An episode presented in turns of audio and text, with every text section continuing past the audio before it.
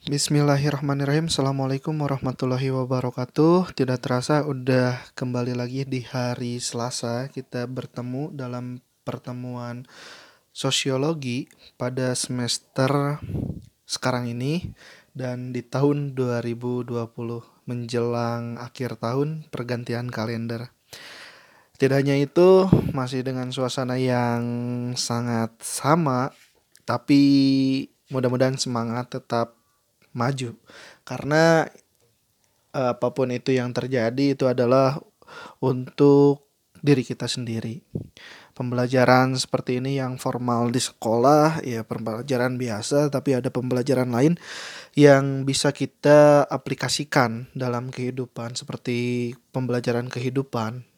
Di sini pembelajaran sekolah, kedisiplinan, tanggung jawab, keberanian, kejujuran ada dalam proses kalian belajar saat seperti ini. Minggu kemarin kita membahas tentang kriminalitas, teori sosiologi kriminal, dan kita sekarang akan membahas bagaimana bentuk-bentuk kriminalitas. Banyak sekali bentuk-bentuk kriminalitas yang ada dan didefinisikan oleh beberapa para ahli dan seperti kita bayangkan bahwa kriminalitas itu tidak sesimpel apa yang kita pikirkan, tapi tidak serumit apa yang kita bayangkan. Jika kita mempelajarinya, tentu kita pahami teori teori-teori sedikit demi sedikit dan kita cari berbagai referensi tentang pembelajaran atau tentang materi yang akan kita bahas sekarang ini. Sebelum memulai aktivitas pembelajaran, seperti biasa, alangkah baiknya kalian berdoa, berdoa dalam hati masing-masing. Bentuk-bentuk kriminalitas, like Keller dan Calhoun dalam Sunarto 2008 menjelaskan bahwa terdapat beberapa tipe kriminalitas atau kejahatan. Adapun tipe kejahatan tersebut adalah yang pertama kejahatan tanpa korban. Kejahatan tanpa korban ini merupakan suatu bentuk kerja kejahatan yang menjadikan pelaku sebagai korban tindakannya sendiri. Contohnya adalah berjudi dan penyalahgunaan narkoba. Jadi orang yang melakukan kejahatan tanpa korban itu adalah pelaku yang menjadikan dirinya sebagai korban itu sendiri. Seperti berjudi dan pemakai narkoba dia sekaligus menjadikan korban untuk dirinya sendiri. Nah, itu contoh kejahatan tanpa korban. Kejahatan terorganisasi merupakan suatu bentuk kejahatan secara berkelompok dan berkesinambungan serta memiliki jaringan untuk memperoleh uang dan kekuasaan dengan jalan melanggar hukum. Contohnya seperti ini adalah penjualan barang hasil kejahatan dan perjudian gelap. Nah, ini terorganisasi. Yang ketiga, kejahatan terorganisasi transnasional. Kejahatan ini merupakan suatu bentuk kejahatan terorganisasi yang melampaui batas negara, dilakukan oleh organisasi-organisasi kejahatan yang memiliki jaringan global, seperti penyelundupan senjata, pencucian uang, dan perdagangan manusia lintas negara. Human trafficking gitu ya. Nah itu kejahatan terorganisasi transnasional. Kejahatan terorganisasi yang barusan dijelaskan ini meliputi negara, melampaui batas negara gitu. Yang keempat ada kejahatan kerah putih. Kejahatan kerah putih merupakan suatu bentuk kejahatan yang dilakukan oleh orang terpandang atau orang berstatus sosial tinggi dalam pekerjaannya. Contohnya para koruptor atau orang yang korupsi. Terus ada yang kelima kejahatan perusahaan, corporate crime merupakan jenis kejahatan yang dilakukan atas nama organisasi formal dengan tujuan menaikkan keuntungan dan menekan kerugian. Kejahatan ini dapat berupa kejahatan terhadap konsumen atau kejahatan terhadap buruh dan karyawan. Jadi kejahatan perusahaan ini yang menjadi korbannya itu adalah konsumen ataupun buruh sendiri. Misalnya yang berbentuk kejahatan eh, perusahaan ini buruh digaji rendah gitu ya konsumen e, dalam tanda kutip dibohongi gitu nah ini kejahatan perusahaan terus yang keenam ada violent offense merupakan suatu kejahatan yang disertai tindakan kekerasan terhadap orang lain dan merupakan kejahatan yang menyangkut hak milik. Nah, itu beberapa bentuk kejahatan atau kriminalitas. Sementara dalam statistik kriminal 2013 yang diterbitkan oleh Subdirektorat Statistik Politik dan Keamanan, Badan Pusat Statistik Republik Indonesia menjabarkan sejumlah bentuk tindak kejahatan, yaitu kejahatan terhadap nyawa, contohnya pembunuhan, kedua kejahatan terhadap fisik atau badan terdiri dari atas penganiayaan berat, menyebabkan luka ataupun kematian, penganiayaan ringan, dan kekerasan dalam rumah tangga. Nah itu contoh kejahatan fisik atau badan. Yang ketiga, kejahatan terhadap kesusilaan, yaitu perkosaan dan pencabulan. Keempat, kejahatan terhadap kemerdekaan orang, meliputi penculikan dan memper memperkejakan anak di bawah umur. Kelima, kejahatan terhadap hak milik barang dengan penggunaan kekerasan, yaitu pencurian dengan kekerasan, pencurian dengan kekerasan bersenjata api, dan pencurian dengan kekerasan bersenjata tajam. Terus ada lagi kejahatan kejahatan terhadap hak milik barang, yaitu pencurian, pencurian dengan pemberatan yang pelaksanaannya disertai keadaan yang memberatkan. Misalnya barang yang dicuri terkait dengan mata pencaharian seseorang, dilakukan saat terjadi bencana atau musibah, dilakukan pada malam hari. Pelakunya berjumlah dua orang atau lebih, disertai pembongkaran atau pengerusakan pencurian hak milik atau barang itu kejahatan terhadap hak milik atau barang. Selanjutnya ada kejahatan terkait narkoba. Ini udah jelas yang mengedarkan narkoba dan psikotropika, obat-obat terlarang ya. Ada lagi kejahatan terkait penipuan, penggelapan, dan korupsi. Kejahatan terhadap ketertiban umum, yaitu melakukan perbuatan, tindakan yang mengganggu ketertiban umum. Nah itu beberapa bentuk kejahatan menurut badan statistik tadi ya.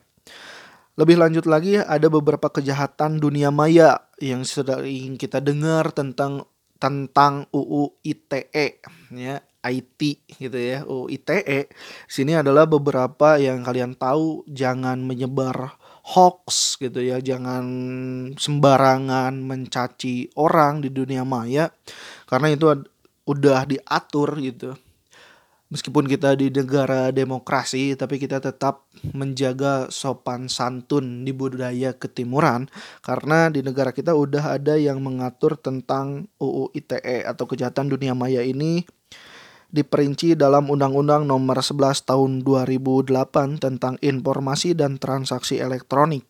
Nah, itu silakan kalian searching dari karena itu panjang tapi intinya harus berhati-hati dalam bertindak di media sosial. Jumlah tindak kriminalitas di Indonesia dan upaya penanggulangannya. E, dari tahun ke tahun jumlah kriminalitas di Indonesia ini e, sangat dinamis ya, naik turun. Ada beberapa tindak kejahatan terhadap fisik, nyawa, terus terkait narkotika, jumlahnya itu setiap tahun ada yang naik dan ada yang rendah gitu tergantung apa motif di balik itu semua. Jadi ada masalah meningkatnya kejahatan pencurian secara signifikan terjadi di Indonesia menunjukkan adanya sistem yang dirasakan secara langsung ataupun tidak langsung telah menghalangi kelompok sosial tertentu dalam masyarakat untuk melakukan mobilitas sosial. Akibatnya mereka terjebak pada lapisan sosial paling bawah, minimnya saluran mobilitas sosial yang belum terselesaikan secara tuntas seperti pendidikan, kesehatan, kemudahan mendapatkan modal usaha, lapangan pekerjaan, dan lain-lain serta adanya satu kesempatan untuk melakukan kejahatan, maka akan memberikan suatu kepastian tindakan kejahatan. Nah, oleh sebab itu, untuk menanggulangi masalah kejahatan di tengah-tengah permasalahan yang rumit, seluruh kalangan perlu kembali menegakkan hukum yang berlaku. Jadi siapa yang berperan di sini yaitu yaitu seluruh kalangan lapisan masyarakat termasuk diri kita sendiri untuk terhindarnya dari kejahatan atau kriminalitas. Tidak hanya aparat, penegak hukum, melainkan seluruh masyarakat juga dapat berpartisipasi melakukan pengendalian sosial.